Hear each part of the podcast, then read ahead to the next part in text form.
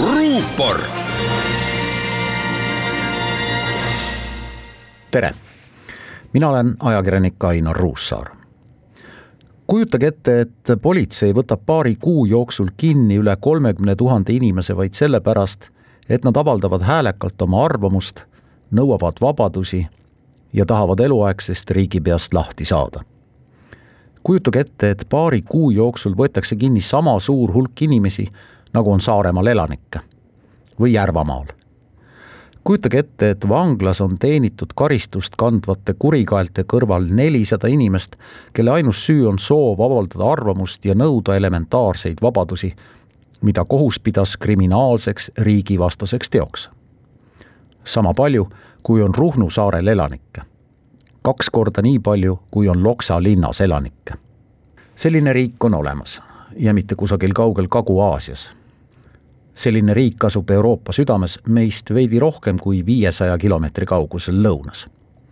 seda riiki juhib juba kakskümmend seitse aastat president Aleksandr Lukašenko, kes lasi ennast möödunud aasta augustis kuuendat korda riigipeaks valida lasi valida on just õige termin, kuna ta isegi ei püüdnud ulatuslikke valimisvõltsimisi seekord varjata.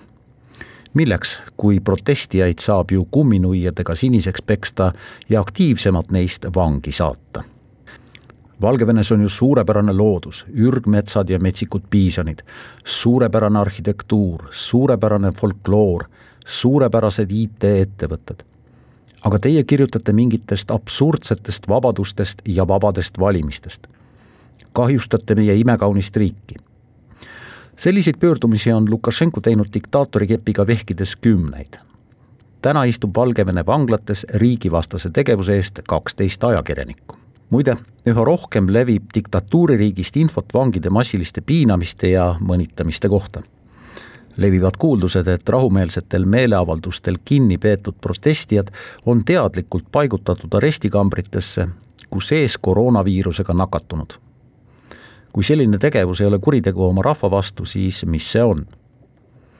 kurjategijaks võib Valgevenes saada aga hoopis lihtsamaltki.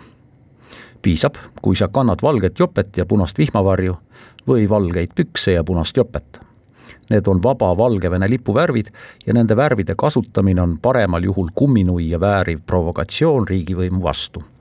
hullemal juhul vanglat vääriv kuritegu. täna tähistab üheksa miljoni elanikuga Valgevene Priiuse päeva.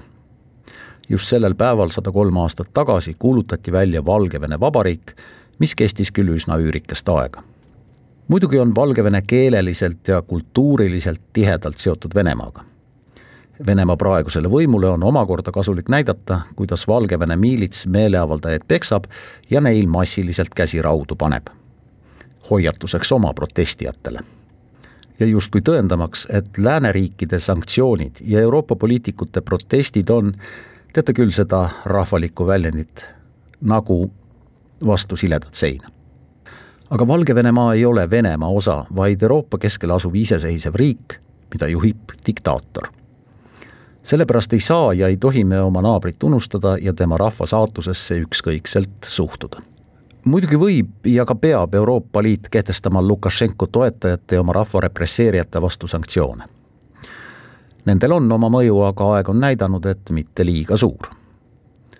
muidugi on oma mõju rahvusvahelisel tasemel tõendite kogumisel Valgevenes toime pandud inimõiguste rikkumiste kohta.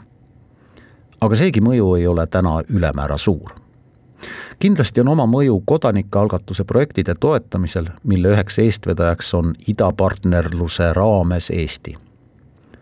lõpuks on Valgevene saatus siiski Valgevene rahva kätes. Meie saame ja peame neid julgustama. kas või sellega, et me räägime Lukašenko režiimi sigadustest ja ei lase neil ununeda.